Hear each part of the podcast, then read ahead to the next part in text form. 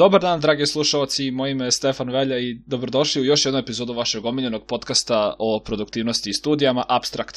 E, sa mnom je, kao i uvek, e, moj i vaš kohost Jovan. Zdravo, Jovane. Zdravo, Stefane. E, pozdrav iz karantina u Novom Sadu, tebi koji su u karantinu u Cirihu i prikladno tome i ovoj situaciji danas nastavljamo temu o radu kod kuće protiv rada u kancelariji. Je li tako, Stefane? Da.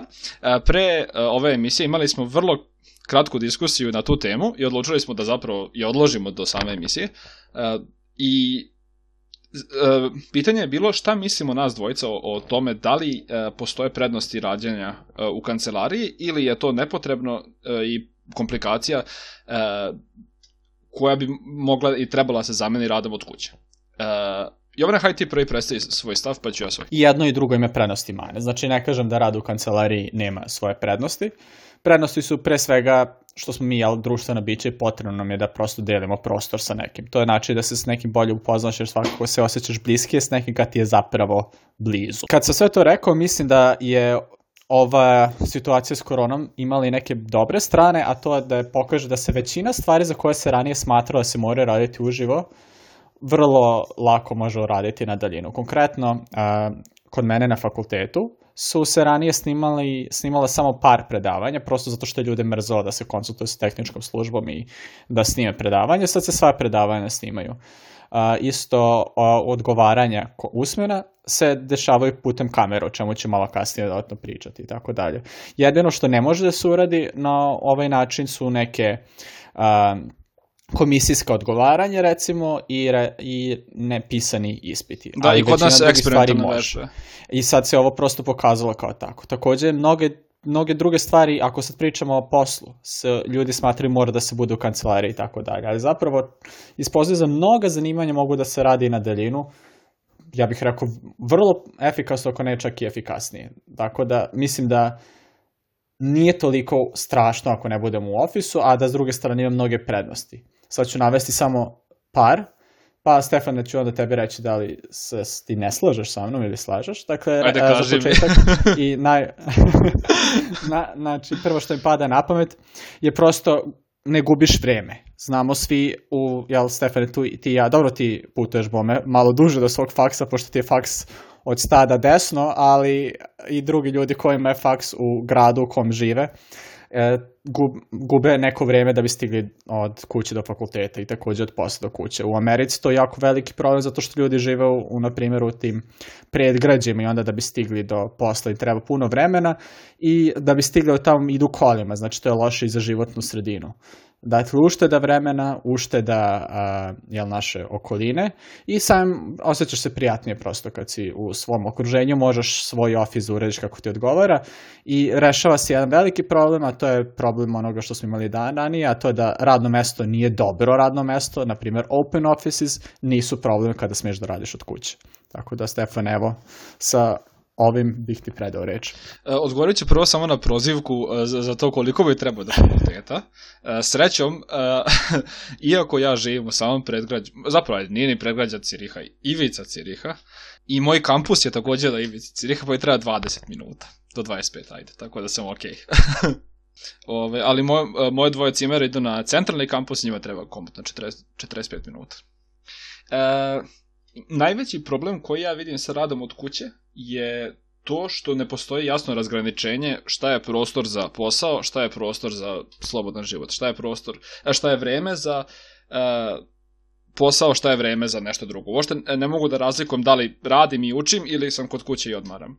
I to uh, mislim da puno ljudi uh, ima taj neki problem. Uh, e, i stalno neko iskušenje da se lupam odmori, da se podlegne tom komforu i tako dalje. A, e, na primjer, jedna moja e, prijateljica e, ima taj isti problem e, što radi od kuće i kaže i ona i svi ostali sa kojima radi imaju taj problem da ne znaju da li rade ili ne rade ni u kom trenutku i, i e, praktično čitav dan su svi tu i svi polu rade čitav dan.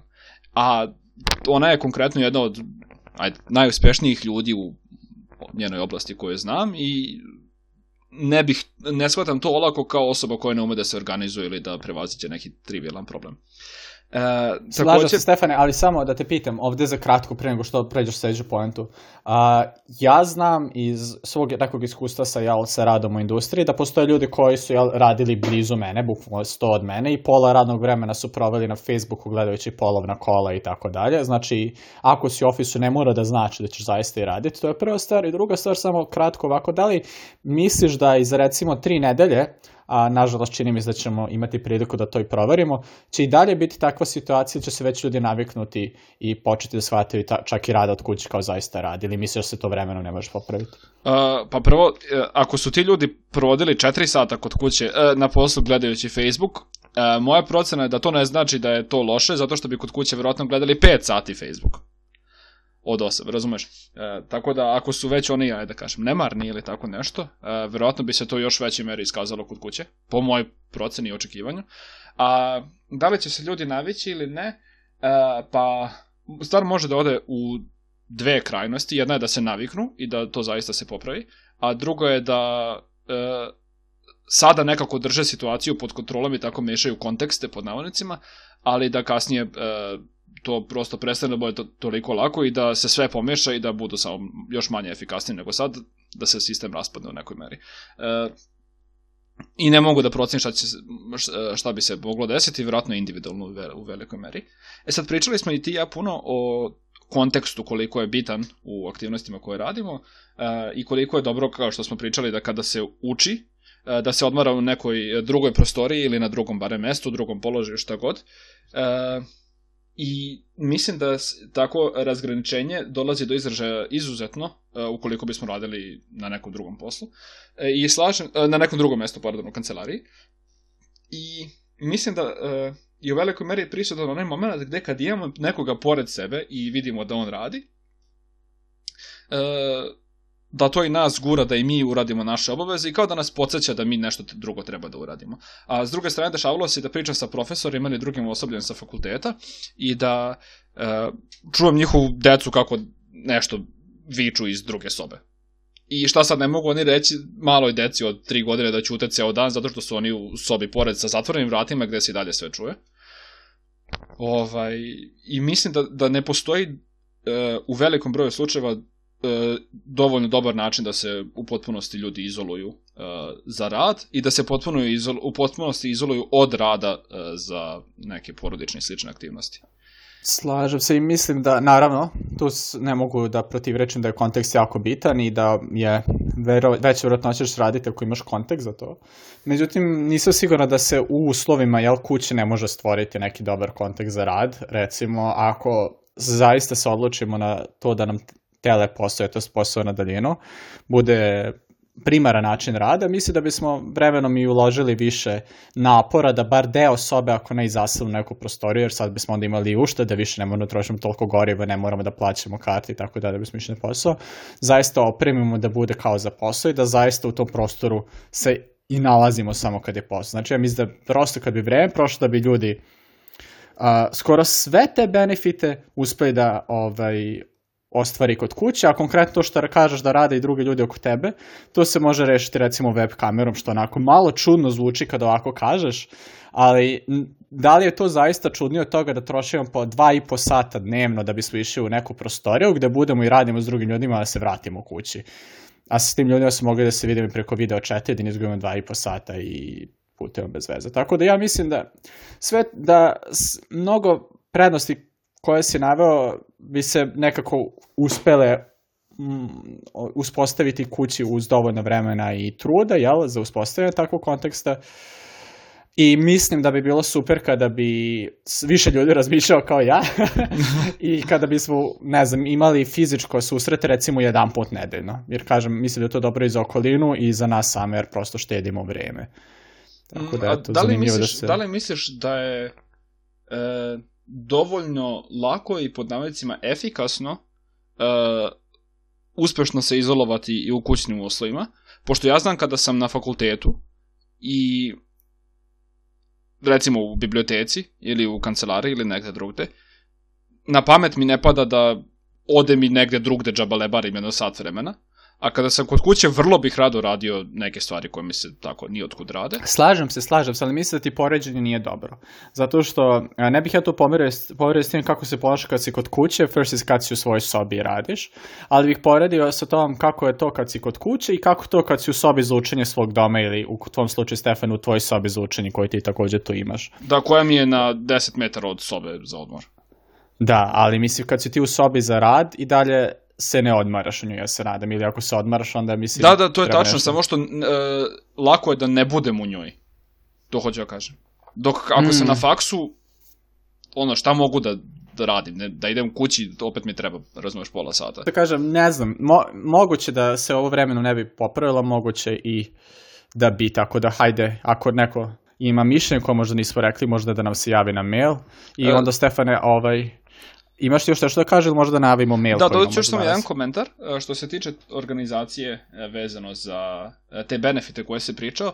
Jako puno tih benefita se, po mom mišljenju, lakše organizuje za veliki broj ljudi i sada primetim zapravo kada sam kod kuće koliko uh, puno mi vremena odlazi na održavanje uh, prostora za rad i tako dalje, što A, uh, često rade drugi ljudi umesto mene na poslu ili fakultetu, pod B, hrana i ostalo, uh, opet moram sam da je sprijam, a komplikovanije je značajno da sada naručujem nešto dok sam kod kuće, nego da odem sa kolegama uh, na ručak u menzu ili nešto slično gde već to postoji. A, a i tada tokom tih pauza za obrok onda pročeskamo o nečemu vezanom za e, to čime se bavimo i, i dalje nas drži u tom kontekstu i nekako motiviše i pruža taj entuzijazam, ali ono, e, mm nisam siguran kako bi to bilo e, da držimo čitav dan otvorene neke web kamere, zato što ako bismo počeli neki razgovor preko interneta, taj razgovor očekivali bismo da ima e, neki aktivan sadržaj, dok kada sediš sa osobom u prostoriji, možete da ćutite pola dana i onda ono, pričate kad vam se priča. A ovako, razumeš, malo je neprijatno to uspostaviti online. Dobro, Stefane, sa tim moram da se složim. Sada bih predložio da krenemo na jedan mail koji smo dobili. Taj mail, da ne lažemo naše druge slušalce, stiže od a, moje mame, pošto to naš podcast za sada nema toliko mnogo slušalaca, istina, ali poput koronavirusa, s pitanja dana kad ćemo mi ući u eksponencijalni rast. No, bez daljeg odugovlačenja, da imamo, dakle, mail je prilično dugo, čak i hvala moje mame što napisala, obećavam da nisam zavolio. I ima negde četiri glavna pitanja na koje ćemo se ja a, danas osvrnuti, jel? I prvo pitanje, kako ste uspeli da se snađete u promjena okruženja kroz koje ste relativno brzo i često prolazili? Stefane, hoćeš ti možda davesti neke konkretne primjere kad se ti se nalazi u promenama u novom okruženju i kako si ti kroz to prošao, pa ću onda ja navesti dva primjera koja mislim da su relevantna za ovo. Uh, u redu prva velika promena okruženja kroz koju sam ja prošao uh, se, se desila kada sam uh, prešao da studiram u Beču. Dakle, uh, odnosno počeo da studiram u Beču na mojoj prve godine osnovnih studija.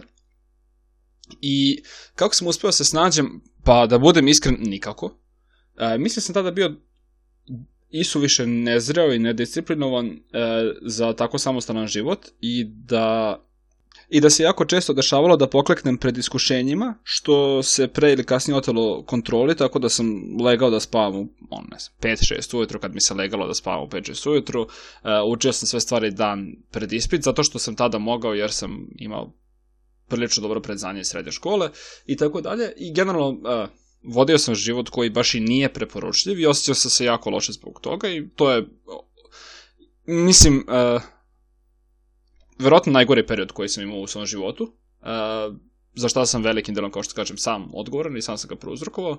E, međutim, kasnije, kada sam se vratio u Novi Sad, to se popravilo u nekom trenutku, jel?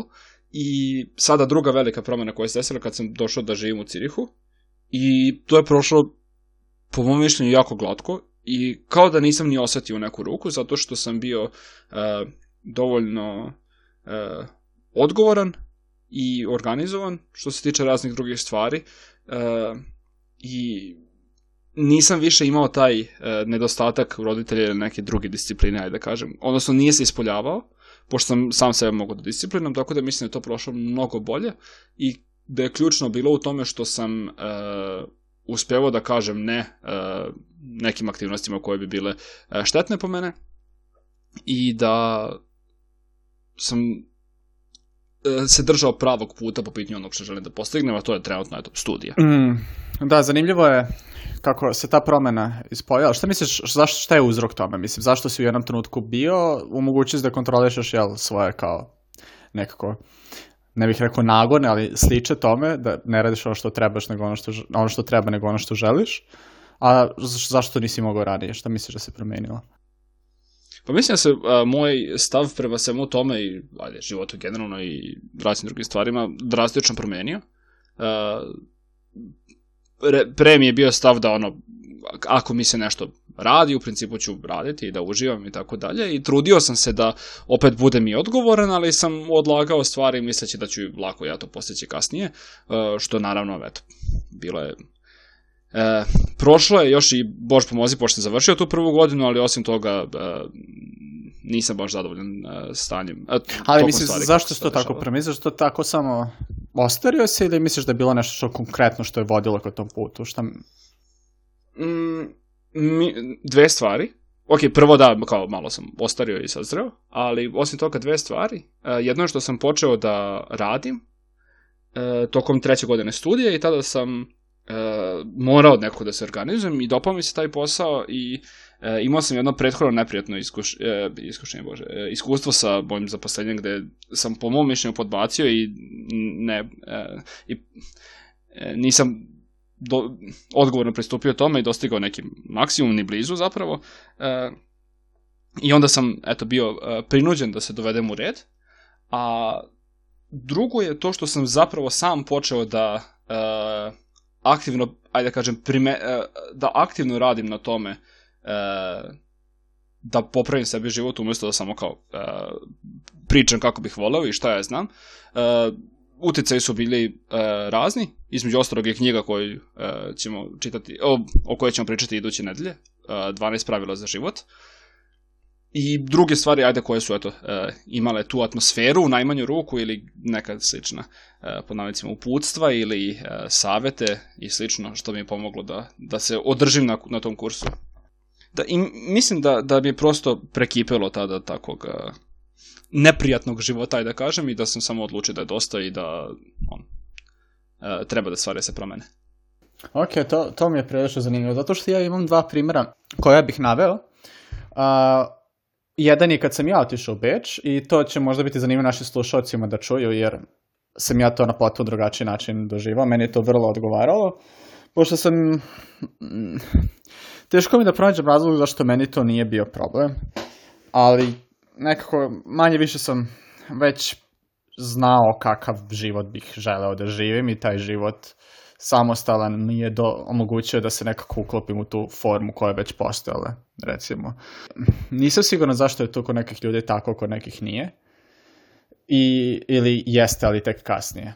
Moguće da to ima veze sa nekim ranijim načinom života i sa, sa veze sa time koliko si sam sebe terao da radiš i učiš i da postaviš sebe prioritete u školi, a koliko su ti, ukoliko ta motivacija dolazila od strane porodice ili društva ili neke druge potrebe, ali mislim da u ovom konkretnom slučaju je to to što sam ja motivaciju nekako crpao iz samog sebe i prosto sam želao da postignem što više mogu i to mi je nekako bio prioritet od početka, radi neka ta neka kratkotrana zadovoljstva u ovom konkretnom slučaju meni pomoglo. Ove, ovaj, I šta mi još pomoglo, sad to, ovo nije vezano za tvoj slučaj, pošto znam i da je kod tebe tako bilo, ali mnogo mi je pomoglo što sam imao a, prijatelje koji su ostali u Srbiji, ali sa kojima sam se ja redovno čuo i razgovarao i naravno imao sam im porodicu, ali prvenstveno od prijatelja s njima sam se a, mnogo više čuo, pošto ih jel, više ima i prosto smo bliski bili u nekim pogledima. I to je, i treća stvar koja mi je značila da se lako naviknem na novo okruženje je bila ta što smo svi bili u istoj situaciji. Dakle, svi smo po, pom, ovaj, počinjali univerzitet, svi smo bili prva godina. Naravno, im bilo ljudi koji su od celog svog života u Beču, a ja sam tek sad došao i na stranom je jeziku i izgovaraju stvari koje ne zvuče ni blizu onome kako se izgovaraju na času nemačkog i u tom smislu je strašno, ali svi smo manje više negde na istoj poziciji. Tako da, eto, te neke tri stvari su mi pomogle da se u ovom konkretnom u ovoj konkretnoj promeni okruženja nekako na, lakše snađe nego što bi inače bio slučaj. A koliki, bi, koliki bi značaj dao tome što si znao šta tačno želiš? Pošto imam osjećaj da je to meni nedostajalo. Pa mislim da eto, to nisam, nisam želeo da kažem nekako ružno zvuči, jer ja pomenjam sa prijatelj kao jedan drugi stvar, mislim da je to verovatno najvažnije od te tri stvari. Uh, jer i to me negde da dovezu na ovo drugu stvar koju se žela pričati, ona se desa još pre ovog odlaska u Beč, a to je moj dolazak u odeljenje kod tebe, Stefane, jel? A, sada, vrlo kratak kontekst, ja sam a, e, započeo jednu srednju školu, pitanje je bila gimnazija a, e, opšteg tipa i onda sam u trećoj godini, bukvalno maltene pred kraj, odlučio da pređem a, e, kod tebe u odeljenje, Stefan, znači u specijalno matematičko odeljenje gde se radi mnogo više matematike i to je za mene bilo nešto što je mnogo, mnogo, mnogo traumatičnije bilo, iako sam nastavio da živim ovaj, u istom u istom okruženju i dalje sam bio u porodičnom stanu i moji prijatelji nisu bili Skype pozivi 300 km od mene, nego su bili Skype pozivi 300 metara od mene, ali opet bi bilo mnogo strašnije zato što uh, ova druga, ovaj posljednji faktor nije bio tu, a to je samo sam ja počinio od nule, svi drugi su već bili tu.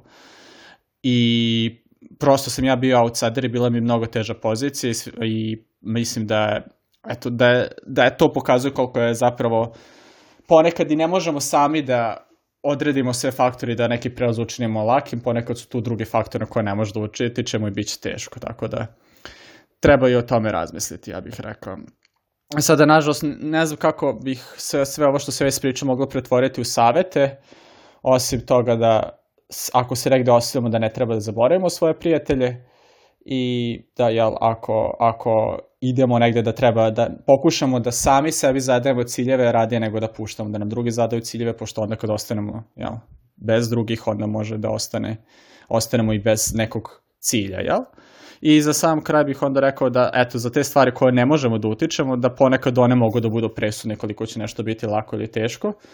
I prosto sve što tu možemo da budemo svesti, da se pripremimo da će možda neke stvari biti teške i da tu ništa ne možemo da uredno da ih olakšamo, ali kao što se ja zaista, zaista nekajem što sam prešao, mi za da to bila jedna od boljih odluka u mom životu, iz mnogo razloga, baš jako mnogo.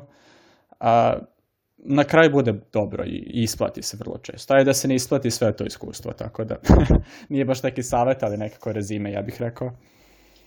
Da, e, po, podsjeti me na e, savete koji generalno daju pri raznim treninzima ili pripremama za neki veliki događaj, treninzima pred sportsko takmičenje ili pripremama pred nekako izlaganje ili slično, e, da se ljudi ne štede na tim treninzima i da kao i da očekuju od sebe da će biti na svom maksimumu kada dođe taj veliki događaj, nego da svaki trening ili svaka takva priprema bude uh, simulacija tog realnog događaja u neku ruku i da se radi sa jednakim intenzitetom i to me uh, to bih povezao sa ovim što si ti rekao i da uh, ako već treba da e, pređemo u situaciju gde sami sebi stvaramo, e, sami sebi donosimo odluku i stvaramo disciplinu i sve ostalo, e, da treba sa tim početi nešto ranije, u smislu da ćemo jako teško živeti nesamostalno i relativno haotično i onda potpuno promeniti sve navike i postati odgovorni u nekom drugom mestu. Tako da treba se već, po mom mišljenju, u nekom trenutku ranije početi kao, odricati štetnih stvari i tako dalje. Dokle god je to moguće, slažem se. Ove, imaš li još nešto da kaže ili ako ne možeš ti pročitati onda šta je drugo pitanje koje imamo? E, može. E, drugo pitanje kaže, a kako ste savladali tremu i da li ste od javnih nastupa i komunikacija i sa osobama starijim po zvanju i godinama, ali i sa onima koji su vam u tome bliži? E, ovo je jako zanimljivo pitanje i ja mislim da je ključna E, pretpostavka koju ljudi treba da e, od koje ljudi treba da pođu je to da e, drugi žele zapravo da im pomognu i da nije ništa strašno pitati nekoga za pomoć i čak i nekad ponoviti to pitanje ili u neku ruku insistirati. Ljudi mnogo češće hoće da pomognu nego što bismo to mislili u proseku. Mislim da se jako isplati biti preduzimljiv i ne bojati se da nam neko kaže ne i ne primeti to lično, pošto često ono samo nemaju, postoje neka druga ograničenja, što legalna, fizička, kakva god druga, da nam pomognu. Glup primer, ali evo šta se desilo juče. Trebalo je da prijavim neke ispite kasnije, nakon isteka nekog roka, mojom greškom, međutim, i, i za to treba da se plati neka e, taksa, e, međutim, zamolio sam pod izgovorom e, koronavirusa i čega god da ne platim to, zato što mi ne odgovara zaista da plaćam stvari bez potrebe. E, što je možda, eto tako, e, naivan pokušaj očekujući da su ljudi u Švajcarskoj jako strogi i da se drže svih pravila, međutim rekli su, ok, u ovim posebnim uslovima oslobodit ćemo te troškova i nisam platio bez preke potrebe taj e, trošak. Mm -hmm. I mislim da je, da je to samo eto primer gde nije sramota i nije teško i nije strašno pitati. I da ljudi vole da pomognu, po mom mišljenju. Da, ja isto mislim, znači, to je možda najvažniji savet koji možemo da damo u vezi s ovim pitanjima, to je prosto da se ne plašimo da pitamo i da ne plašimo da budemo odbijeni, jer ljudi su često, ne svi ljudi, ali preko bi da je prosečna osoba mnogo bolji čovek nego što bismo mi to mislili. Evo ja da navedem jedan primer, da a, se malo nadovežem. Dakle, pre dve nedelje, a kad se se vratio u Srbiju ovako hitno, brže, bolje, dok a, bukvalno čim su pojavili prvi slučajevi korone virusa u Beču, manje više sam se ja vratio, samo da bih video da jedan, a, jedan internship preko leta a, zahteva između ostalog i potvrdu o engleskom jeziku koju može da mi da samo akreditovani koordinator na našem univerzitetu i to je bio već petak, a naravno rok je bio u nedelju i mogo sam odustati, međutim ja sam poslao mail da nisam tu, objasnio situaciju i preko telefona smo se čuli, on je sam čovjek odštampao papir, popunio, potpisao se i znači ljudi su zaista mnogo bolji i takođe Po, a, često ljude, studenti, ako pošto ovo je naša primjena grupa, često studenti ne žele da idu na uvid za ispite i za kolokvem i tako dalje. Međutim, po mog iskustvu to može jako često da pomogne i u tim nekim trenucima, čak i ako prvi odgovor ne te, bude ne, misle da treba da se, pok, da se nastavi možda uh, sa jel, nekim argumentovanjem, pošto ponekad možda pomogne, pošto evo konkretni slučaj, uh, jedan, jedan moj način alternativnog rešavanja nije, nije doneo ni jedan poen u očima profesora i onda sam ja pokušao da mu objasnim da to je tako ipak može i on se ipak nije složio, onda sam ja pokušao da mu objasnim ni jedan drugi način, na što mi on dao dodatni poen i na kraju tog prenosa ispostavlja da taj jedan poen bio taman toliko koliko mi je trebalo da me prevuče na granicu za višu ocenu i pošto sam prešao tu granicu sam onda kasnije postao tutor, to je student saradnik i danas iz tog baš predmeta sam imao uh, intervjue sa drugim studentima gde sam ovaj put ja njima ocenjivao domaće, tako da nekako ne treba se plašiti da se zatraži i jeste bio neko, star, neko ko ima više znanja od mene, ali eto, sad sam ja u toj poziciji i meni prvo ne bi smetalo da mi neko pokuša objasniti da zasluže više pojena nego što to slučaj i ja sam se zaista i danas trudio da dajem maksimalno koliko mogu davati od sebe. E, mislim da je jako dobro sagledati tu situaciju iz svoje perspektive, da vam neko ajde, ne potpuni stranac, ali neko sa kim niste izuzetno dobar prijatelj, zatraži neku uslugu, velika je šansa da se nećete naljutiti na njega ili vikati na njega ili e, mrzeti ga ili šta god da je e, neki malo ekstremniji, ajde iracionalni strah od, e, od traženja takve usluge.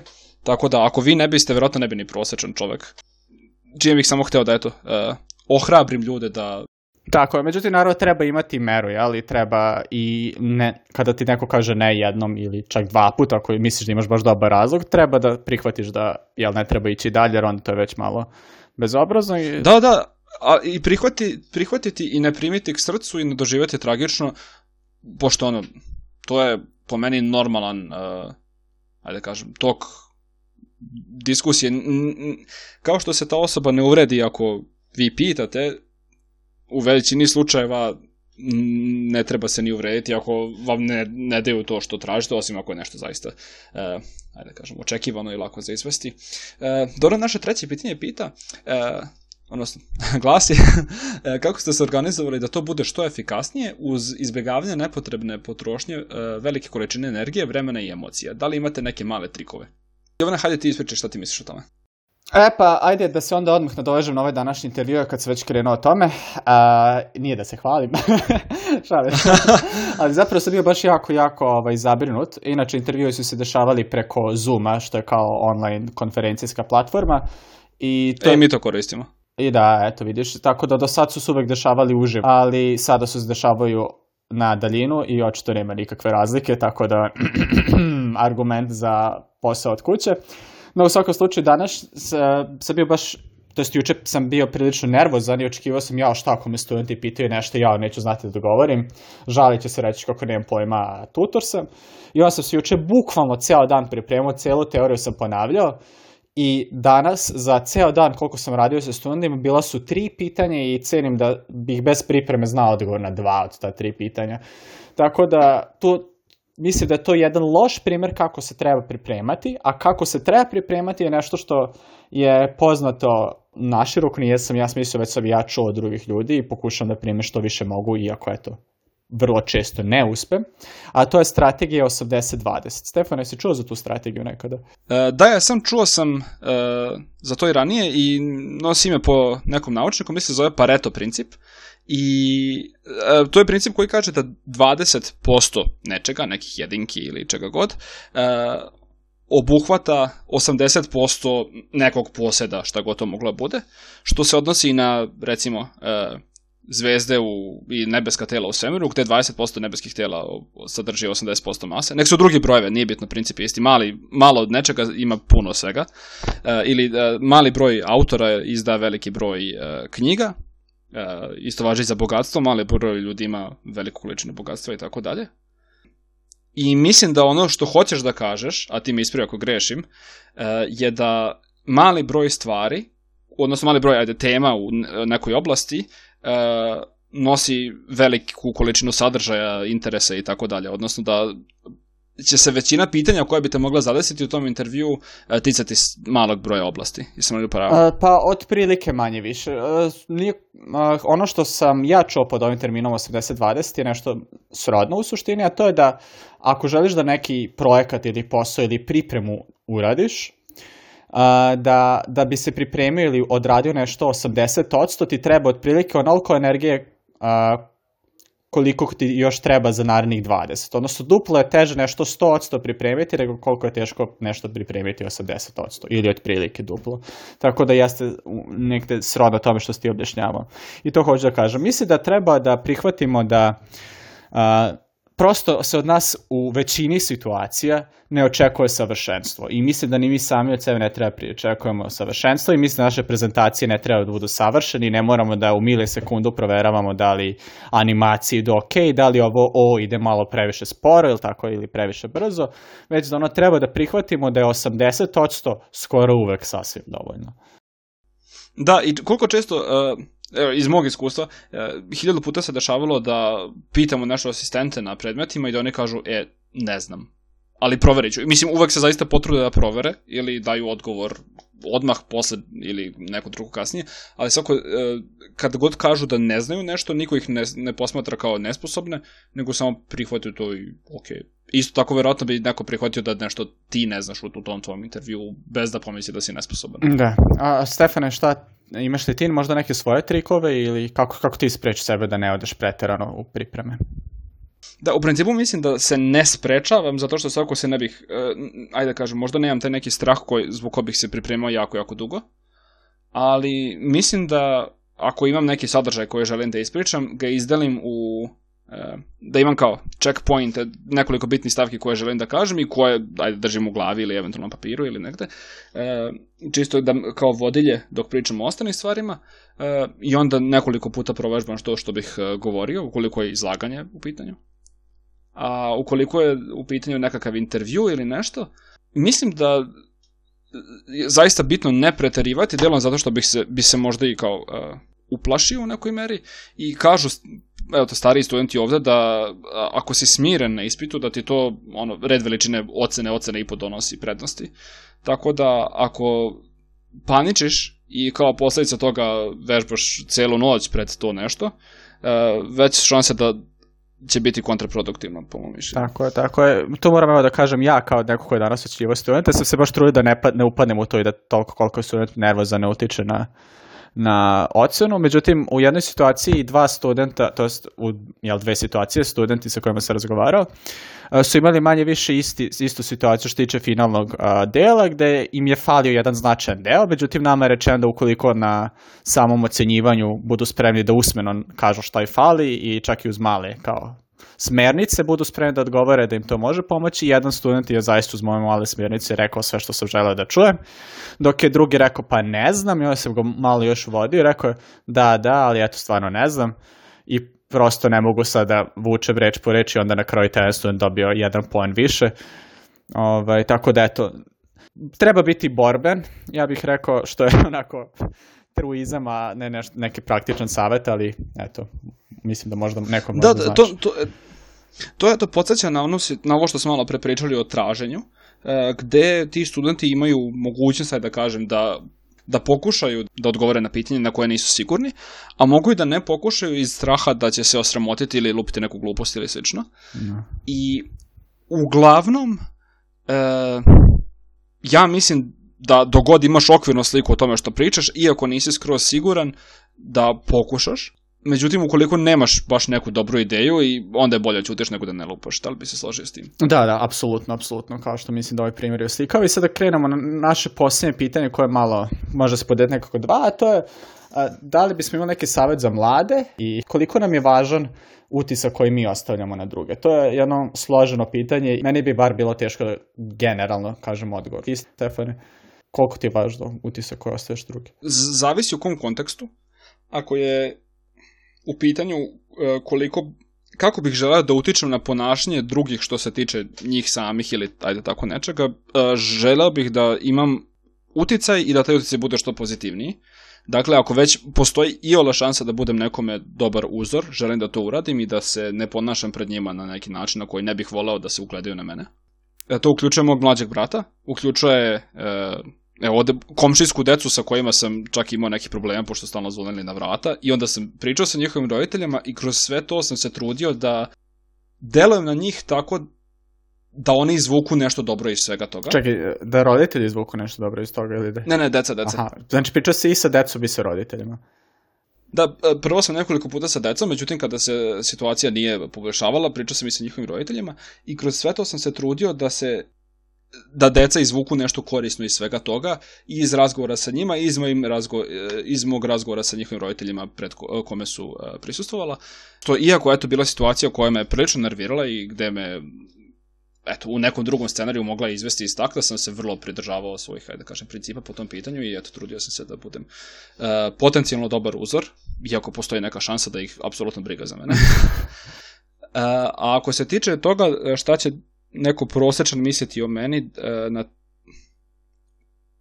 bez nekog većeg uticaja, trudim se da se ne obazirem, Uh, pošto mislim da bi samo bilo opterećivanje bez neke preke potrebe i bez neke dobiti kao što bi ovde bio slučaj. Da, a sad, a, slažem se absolutno s tim, a, što postavim što si rekao, kod meni je to bar malo teže, jer iz nekog razloga imam zapravo Mislim da dajem veći značaj o tome šta stranci misle o meni nego što bi trebalo, u smislu stranci kao ljudi koje ne poznam, ne kao stranci koji nisu iz naše države.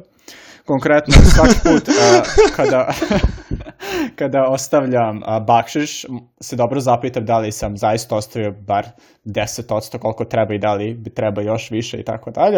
E, vidiš, ja sam principilno protiv bakšiša. Ja sam isto, a, pa mislim, ja sam u principu protiv, ali ostavljam bakšiš zato što je prosto to zlo sa kojim živimo, nažalost. Ali ajde, to, to je to priča za neki drugi podcast. Vrlo se raspolaš da 15 minuta pričam o tome zašto Bakšiš ne valja i zašto, zašto ipak mislim da ga moramo ostavljati. Ali to je samo Aha. jedan od primjera zašto mislim da ne valja. I svaki put kada Uh, ne svaki put, ali često kad pričam sa Austrijancima osjećam malo pritisak a, da treba da dobro izgovorim stvari i tako dalje i da se predstavim u dobro svetlu, delom zato što mislim da ljudi u Austriji kada im se kaže Srbi imaju relativno loš, lošu asocijaciju, koja je nekim delom opravdana, a nekim delom i nije, naravno, jel? Kao i sve generalizacije.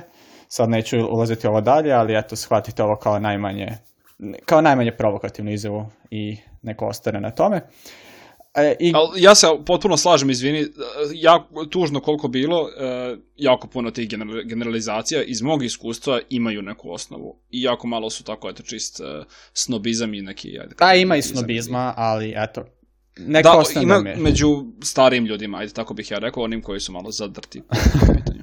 da, u svakom slučaju, Iz znači to je da. nešto što se primeti kod mene da mislim da mi je važan utisak koji, koji ostavljam strancima. Uh, i važan mi utisak na profesore koje, ko, koje vrlo poštujem. On, volao bih da oni imaju dobro mišljenje o meni, dok za recimo profesorku koja vodi kognitivne osnove vizualizacije me baš briga šta misli o meni, tako da zanimljivo je da eto za potpune strance mi je draže da imaju neki pozitivan mišljenje o meni, dok eto za ljude koje za koje mene nije briga, nije briga ni šta ni mislim. Meni. Tako da je to da zanimljivo i volao bih da u budućnosti, eto, na čemu radim ne toliko aktivno, ali trudim se da radim na tome da mi bude manje bit kakav utisak ostavljam na strance. Kada kažeš da ti nije bitno e, šta ljudi za koje te baš briga e, misle o tebi, E, što, te, što ti je stalo, ajde da kažem, do konobara ili ljudima koji da, kojima daješ baš? Nisam siguran. Nisam siguran, mislim da je to kao nekako praistorijski aspekt mene koji želim da budem prihvaćen u veću grupu i ne želim da me ostave samog, da mi nema ko davati mamuta kad sam ja neuspešan u lobu i tako dalje. U, dopada mi se ova, uh, ovaj uh, hint ka knjizi koju ćemo tako je, tako je, na to, na to sam i ciljao, drago je da si primetio. I samo bih završio Naravno. ovo, uh, ovo, uh, ovo svoje odgovaranje odgovaranje na ovo pitanje, a, mišlju da je okay da, su, da nam je važno mišljenje drugih ljudi, ako to mišljenje nije ono što je najvažnije. Jel? Ne treba da svoje ciljeve i svoje vrednosti stavljamo a, i određujemo tako da bismo se dopali drugim ljudima. To onda već jako loše.